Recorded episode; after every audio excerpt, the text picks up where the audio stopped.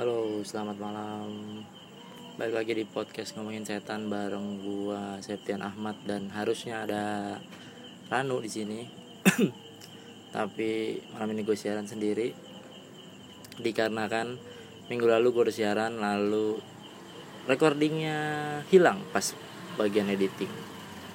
Jadi ya sudah dipasrahkan rekaman yang sudah sejam lebih itu gue rekam bareng dia minggu lalu menghilang begitu saja. Oke, gue akan mencoba mengulang apa yang sudah kemarin gue bicarain sama Ranu. Uh, kemarin gue sempat ngobrol sama Ranu soal beberapa sosok-sosok legendaris yang menghuni beberapa tempat gitu dan menjadi apa ya uh, urban legend atau mitos gitu di satu tempat terus sesuai janji di episode pertama gue mau bahas soal yang namanya eh, video-video orang kerasukan di Lombok. Beberapa orang sih lebih tepatnya beberapa orang. Lu kalau bisa kan boleh cari di YouTube cari aja Dewi Anjani Lombok. Lu ketik aja keywordnya Dewi Anjani Lombok di YouTube nanti akan keluar video-video beberapa cewek beberapa orang kesurupan sosok yang mengaku sebagai Dewi Anjani jadi dalam video itu ada cewek-cewek yang marah-marah cewek-cewek yang uh, berusaha membawa pesan gitu. Mengaku sebagai Dewi Anjani lalu marah-marah gitu. Pokoknya gempa ini akibat ulah kalian segala macam. Oh, pokoknya di marah-marah. Intinya adalah si Dewi Anjani ini merasa Lombok sudah tidak lagi sebersih dahulu gitu. Udah banyak yang orang-orang yang mencemari kota tersebut gitu jadi eh, di, maka timbullah bencana kemarin sebagai peringatan. Lalu si Dewi Anjani berpesan kalau misalkan masih banyak maksiat maka dia tidak akan tidak akan ada yang selamat katanya. Gitu. Lumayan nyeremin juga lumayan nyeremin kalau nonton karena itu dia banyak kan videonya backgroundnya siang hari gitu ya jadi nggak terlalu serem mungkin. Tapi begitu itu ma malam mungkin beda lagi ceritanya gitu ya. Terus ada ada satu video di mana orang ada satu orang e, nari adat gitu pakai baju adat lengkap di pinggir pantai di Lombok katanya. Gua nggak tahu itu bener atau enggak yang jelas kalau itu bener lumayan seram lumayan hmm, bikin ya coba lu nanti lu cari aja lah. Gitu itu soal Dewi Anjani yang katanya menghuni dan menjaga Lombok gitu. Terus yang kedua balik ke makin ke barat gitu ada kita punya the one and only. Anjay the one and only. Nyi Roro Kidul Nyi Roro Kidul itu adalah sebuah makhluk mitologi.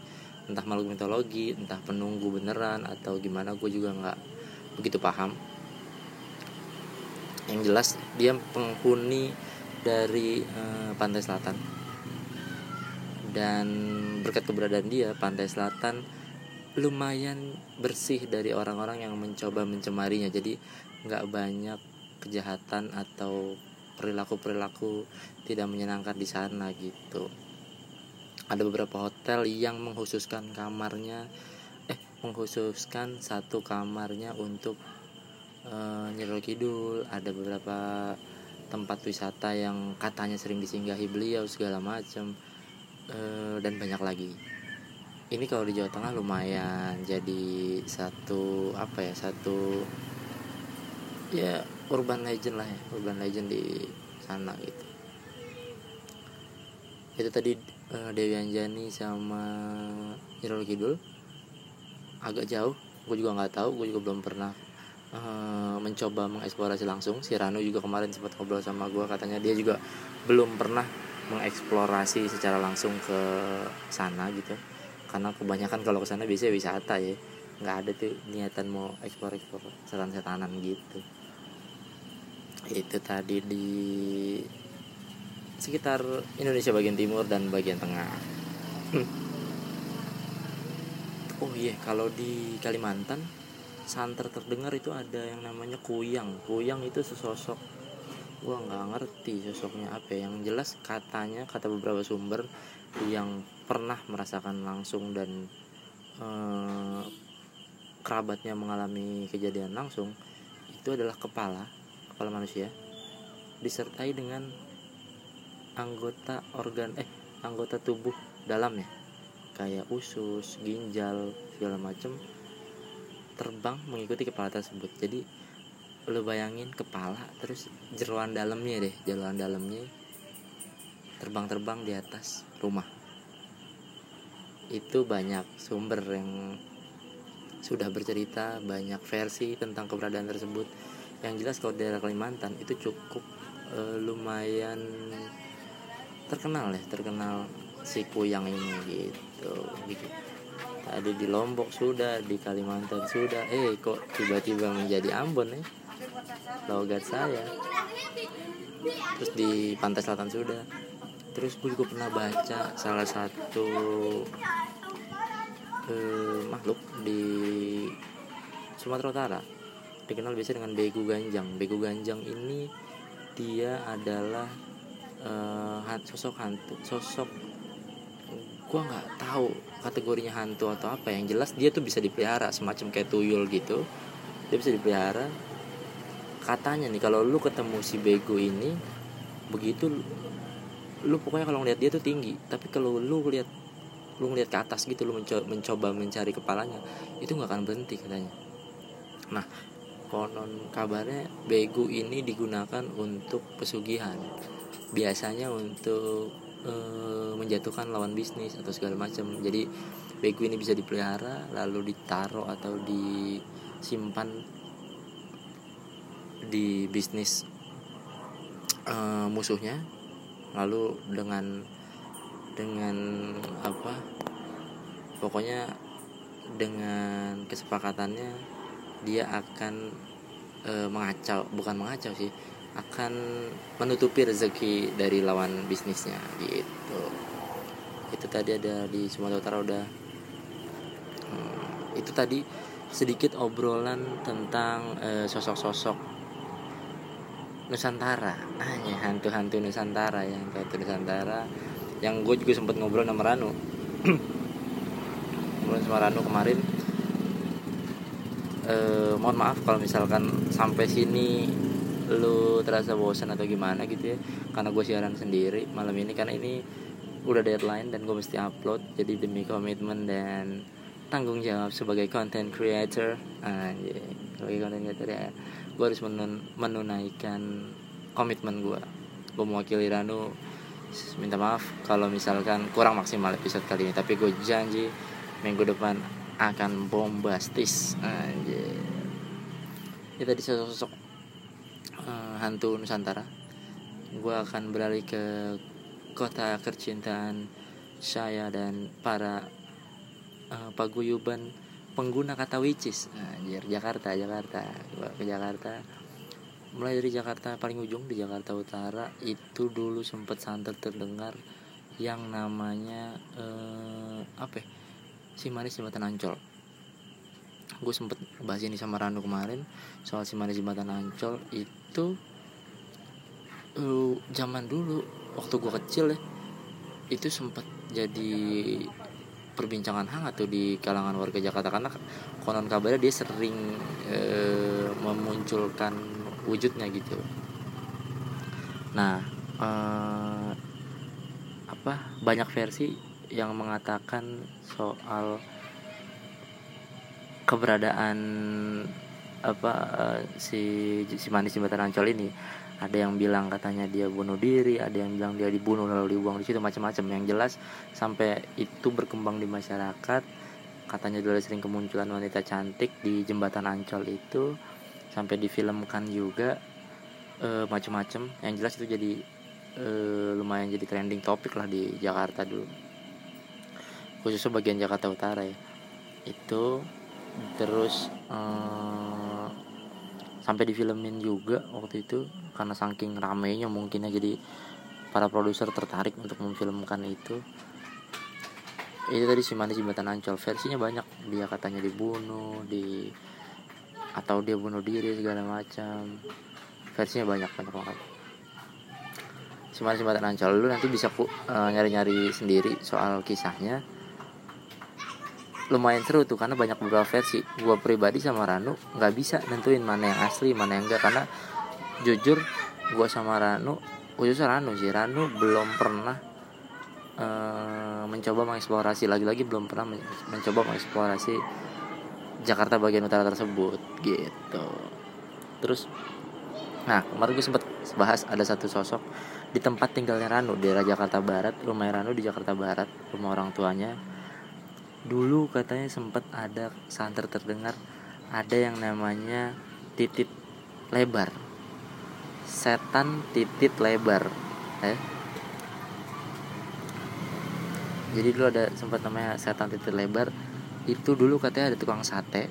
Tukang sate itu kan kalau zaman dulu tuh nggak ada yang didorong. Zaman dulu itu dipikul gitu.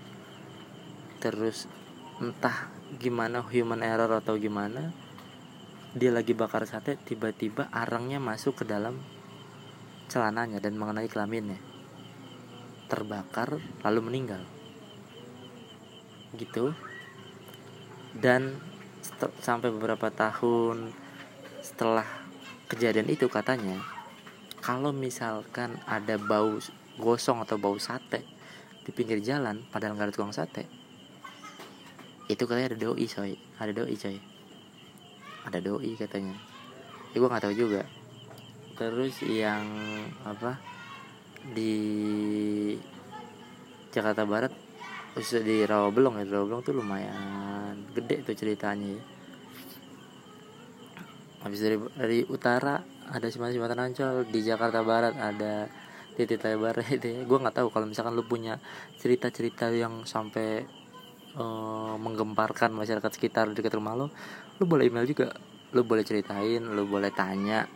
Kalau lu mau ngundang gue sama Rano ke tempat lu yang ke tempat yang menurut lu angker segala macam kita boleh sama-sama ekspor mungkin nanti kita bisa siaran bareng gitu di sana. Gitu. Terus hmm, apa namanya? Dari Jakarta Barat ke tengah nih rada tengah ke Kokas terowongan Casablanca. Lu yang tinggal di Jabodetabek lu udah paham banget ada ceritanya ya kan? Di Casablanca tuh ada apa? Yes bener. Di Casablanca kan mitosnya dulu lu harus klakson tiga kali kalau lewat situ ya kan? Nah di situ konon kabarnya adik anjing gue ngomong ini merinding cuy. Kunmer kunmer yo kuntilanak merah.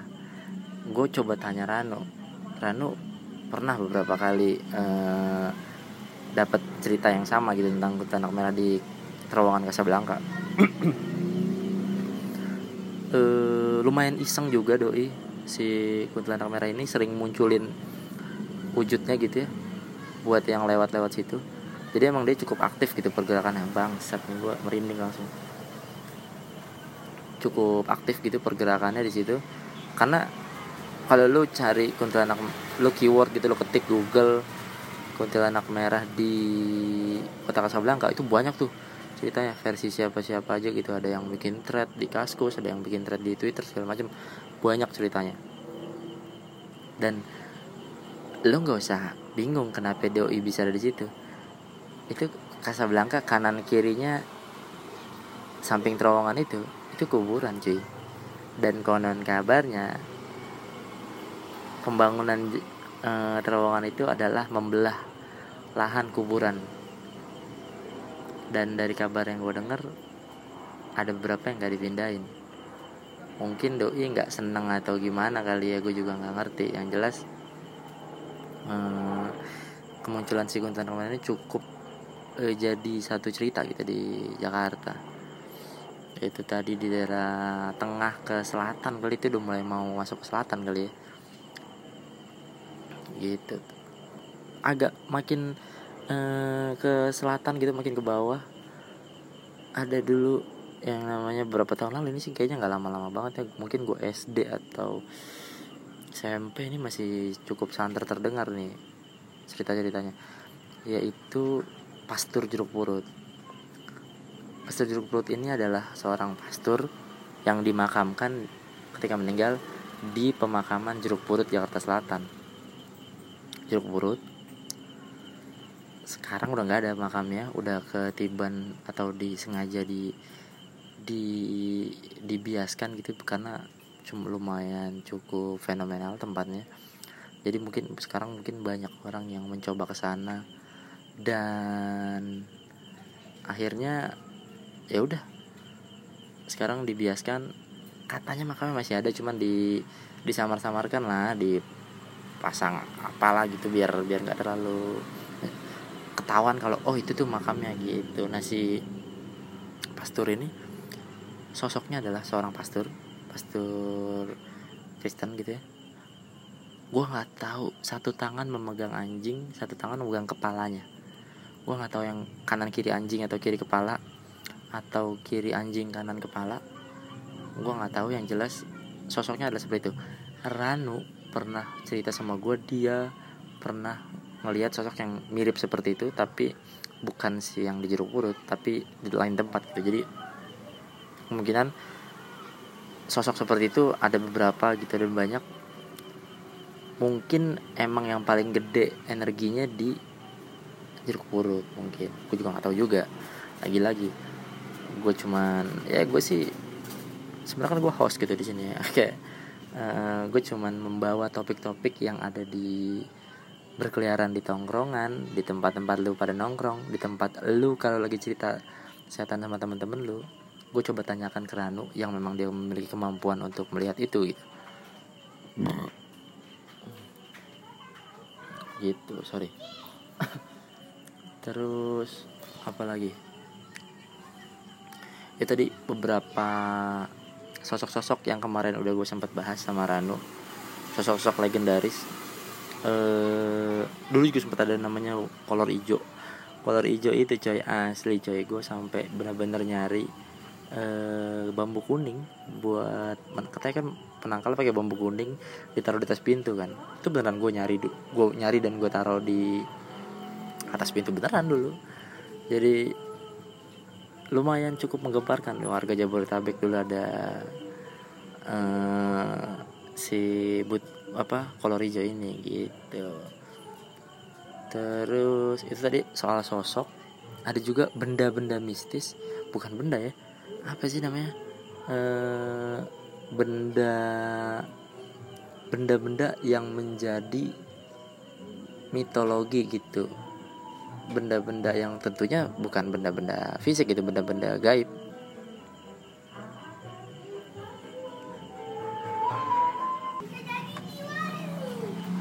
Oke. Okay. uh, eh, tadi gue gue ngomongin soal benda benda-benda gaib yang menjadi eh, apa namanya menjadi mitos gitu ya. Apri eh si Ranu kemarin cerita sama gue itu di Manggarai ada kereta hantu. Jadi ada kereta yang apa namanya suka suka jalan sendiri gitu. Suka jalan sendiri. Bahkan dulu sempat ada cerita ada orang jalan dari Setiabudi Kuningan sampai ke Permata Hijau. Di rel kereta sepatunya sampai rusak gitu katanya. Terus uh, dia jalan. Begitu dia sadar disadari oleh penjaga rel kereta penjaga rel kereta di Permata Hijau. Ditanyain katanya dia naik kereta. Dia menurut pengakuan yang orang yang jalan kaki ini dia naik kereta dari Setiabudi dan jalan di rel. Secara logika kalau misalkan dia jalan di rel itu kereta di situ 15 menit atau 20 menit sekali itu lewat. Jadi agak nggak mungkin aja kalau dia jalan kaki di rel dan nggak kenapa-napa. Kemungkinan besar menurut pandangannya si Ranu yang kemarin gue sempat bahas juga kemungkinan besar dia menaiki sebuah kereta gaib lalu tur diturunkan di situ di daerah Permata Hijau situ. Dan yang cerita ke Ranu anjing gue lagi. Yang menurut yang cerita Ranu yang cerita yang didapetin Ranu itu dia eh, diceritain sama penjaga rel Permata Hijau itu. Itu itu ada di Permata Hijau ada eh dari di Manggarai ada kereta. Terus di UI ini yang anak UI atau anak Depok deh udah paham banget kayaknya soal namanya bikun bis kuning. Yang katanya sering lewat. Yang sering uh, kelihatan di UI segala macam ada bikun juga. Terus ada uh, kereta hantu udah bikun udah ada dulu uh, keranda terbang. Keranda terbang juga lumayan jadi sebuah urban legend yang nyanter tuh di mana-mana katanya suka ada keranda terbang segala macam lumayan menyeramkan. Oke itu tadi adalah uh, ngomongin sosok-sosok dan beberapa kendaraan kendaraan setan. Gue lanjut mau bacain email yang kemarin di episode 1 itu udah ada satu email yang belum gue bacain sama Ranu. Belum gue bahas sama Ranu karena terlalu panjang. Itu emailnya dari Irfan Siregar. Jadi ini gue gue persingkat aja Irfan ya jadi dia bercerita tentang si Irfan ini tinggal di rumah neneknya di rumah neneknya itu ada adiknya ada omnya beserta istrinya dan ada pembantunya. Singkat cerita, rumah neneknya ini mau dijual, tapi lama nggak laku-laku. Rumah neneknya ini berlokasi di sebelah gereja, dan gereja ini emang sudah lama mau membeli rumah si Irfan ini, tapi harganya belum cocok lah gitu ya. Untuk si gereja ini mau membeli rumah neneknya itu buat uh, kalau cerita Irfan sih buat pelebaran wilayah si gereja ini. Mulai banyak kejadian aneh di rumah itu. Kayak ada ada uh, sosok yang sering kelihatan sama orang rumah ataupun orang yang lagi main ke rumah segala macam sampai orang tuanya Irfan yang sudah tidak tinggal di situ gitu. Meminta tolong lah meminta tolong kepada uh, orang pintar gitu paranormal temen orang tuanya ini untuk ngecek lah ngecek ada apa sih di situ segala macem.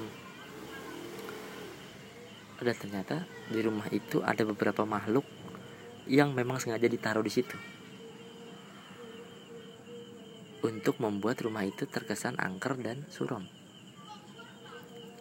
Gue nggak tahu siapa yang menaruh gitu ya. Yang jelas si paranormal uh, yang diminta tolong oleh keluarganya Irfan ini menganjurkan untuk melakukan ritual pembersihan. Singkat cerita, ritual pembersihan itu dimulai dari Irfan harus menaburkan garam dulu di sekitar sekeliling rumahnya segala macam atas anjuran paranormal tentunya ya. Tapi jangan sampai ketahuan orang lain yang tinggal di rumah itu gitu.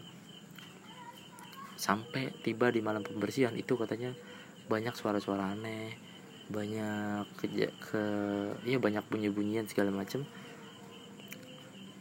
dan setelah pembersihan itu besoknya rumah itu berubah drastis e, suasananya gitu. Jadi ada beberapa makhluk yang diceritain Irfan sih ada cewek terus ada yang berbentuk suster juga di di rumah itu gitu. Dan indikasinya yang menaruh makhluk-makhluk ini dari pihak gereja yang bekerja sama sama membantunya si Irfan ini. Eh gue nggak tahu bagaimana prosesnya. Yang jelas makhluk-makhluk itu sengaja ditaruh agar rumah itu tidak laku lah gitu ya. Dan setelah pembersihan rumah itu menjadi bersih dan tidak angker lagi tidak lama mereka pindah dan rumah itu laku gitu. Terus gue kemarin sempat ngobrol sama Rano soal bahas, soal bahas soal email yang dikirimkan Irfan. Sekali lagi thank you buat Irfan yang udah ceritain sedetail itu ya. Hmm, memang banyak praktek-praktek eh, seperti itu gitu ya. Mengirimkan sesuatu ke rumah orang mengirimkan benda atau apa pun yang bermaksud jelek gitu ke lawan bisnis atau siapa pun gitu demi keuntungan pribadi segala macam banyak banyak banget. Bahkan katanya Ranu beberapa kali menemui makhluk-makhluk yang kayak dia ditaruh aja gitu di situ. Dia nggak gangguin dia nggak ngapain. Yang jelas keberadaan dia membuat suasana di tempat itu jadi berbeda gitu. Jadi e, kalau sekarang memang sudah selesai bersyukur aja. Berarti kan udah selesai masalahnya segala macam. Yang jelas e, kejadian itu menurut gue memang lumayan nyeremin sih karena lu dan adik lu harus melewati beberapa fase sekian lama itu sampai akhirnya dibersihkan gitu loh. Lumayan menegangkan. Sekali lagi thank you Irfan. Jadi kalau dari gua dan Ranu memang mengiyakan ada yang praktek-praktek seperti itu gitu. Dan tidak menutup kemungkinan rumah lo jadi salah satu korban praktek seperti itu gitu. Mengirimkan benda-benda ke situ gitu. Terus yang kedua ada lagi dari gue coba bacain dari dari namanya Ruli Margono. Ruli Margono ini bertanya kenapa hantu kebanyakan pakai baju putih? Terus dari mana mereka dapat pakaian itu terus adakah penjahit khusus? Apakah mereka memakai pakaian hanya untuk terlihat lebih sopan? Asli ini gue kira bercanda tadi nanyanya. Terus dia bawain nulis gitu. Serius nanya oke. Okay. kemarin gue sama Ranu ngobrol gue ngiranya dia bercanda gitu. Ternyata beneran nanya. Menurut Ranu ya yang menurut pandangan dia hantu atau makhluk halus itu menunjukkan bentuknya semau mau dia aja gitu kalau dia ingin menunjukkan seperti itu putih ya putih keluarnya. Kalau dia mau menunjukkan yang serem ya bakal serem. Yang jelas tidak ada penjahit khusus. Nggak tahu di mereka dapat dari mana. Dan terlihat lebih sopan. Ya menurut lu kalau pocong pakai putih dan muncul di depan lu apakah itu perbuatan yang sopan? Tentu tidak dong ya kan gitu aja sih. Itu tadi ya jawaban-jawabannya. Jadi tidak ada tidak ada yang istimewa gitu dari pakaian putih mereka. Jadi memang kebanyakan memang putih aja gitu. Mungkin ada kaitannya dengan kebanyakan orang meninggal itu dibalutnya dengan kain putih gitu. Kebanyakan ya gue juga gak ngerti. Gitu. Eh segitu aja podcast kali ini gue mau cerita soal kejadian kemarin gue sama Ranu siaran. Jadi gue siaran itu jam mulai siaran tuh jam setengah dua gitu. Setengah jam gue siaran Ranu tuh masih belum berasa apa apa sampai tiba di mana mulai ada suara-suara aneh. Mulai ada suara eh, botol dilempar-lempar ada yang siul-siul segala macem. Dan akhirnya Ranu pun mengecek lah ada apa di sekitar situ? Yang siul-siul itu hanya angin yang lempar-lempar tadi tuh yang kita ragu. Dan yang harus lo semua tahu siaran kemarin kita mulai dengan sangat santai. Sangat santai tapi berubah menjadi tegang di pertengahan sampai habis gitu. Lumayan menarik lumayan menarik. Uh, sorry banget soal siaran kali ini yang mungkin kurang menarik atau apa segala macam semoga ada yang bisa lo dapetin dari podcast ngomongin setan kali ini. Jangan lupa kalau lo mau kirim DM mention di Instagram atau Twitter ke gua Septian Ahmad S atau ke Aprizal WS Aprizal WS ya. Atau lo bisa kirimin email foto yang menurut lo angker terus cerita atau lu mau nanya boleh lu mau konsultasi atau ada yang mau ngajak kita siaran di mana gitu sih. Kalau lu berani boleh aja kirimin aja ke kotak surat pns at gmail.com nanti ada di, di deskripsi. Terus udah sorry banget buat kualitas rekaman kali ini yang jauh dari kata bagus. Minggu depan gue janji akan jauh lebih baik. Uh, thank you semua yang udah dengerin. Dukung terus. Kalau lu dengerin podcast ini mohon banget mohon banget di prom promote karena kita butuh banget listener gitu ya. Kita butuh pendengar lebih banyak. Karena nanti ada hadiah kalau misalkan pendengar kita udah banyak kita akan bikin sesuatu yang melibatkan lulu semua. Oke? okay? Thank you semuanya. Sampai ketemu di minggu depan episode berikutnya. Lo takut ya? Dah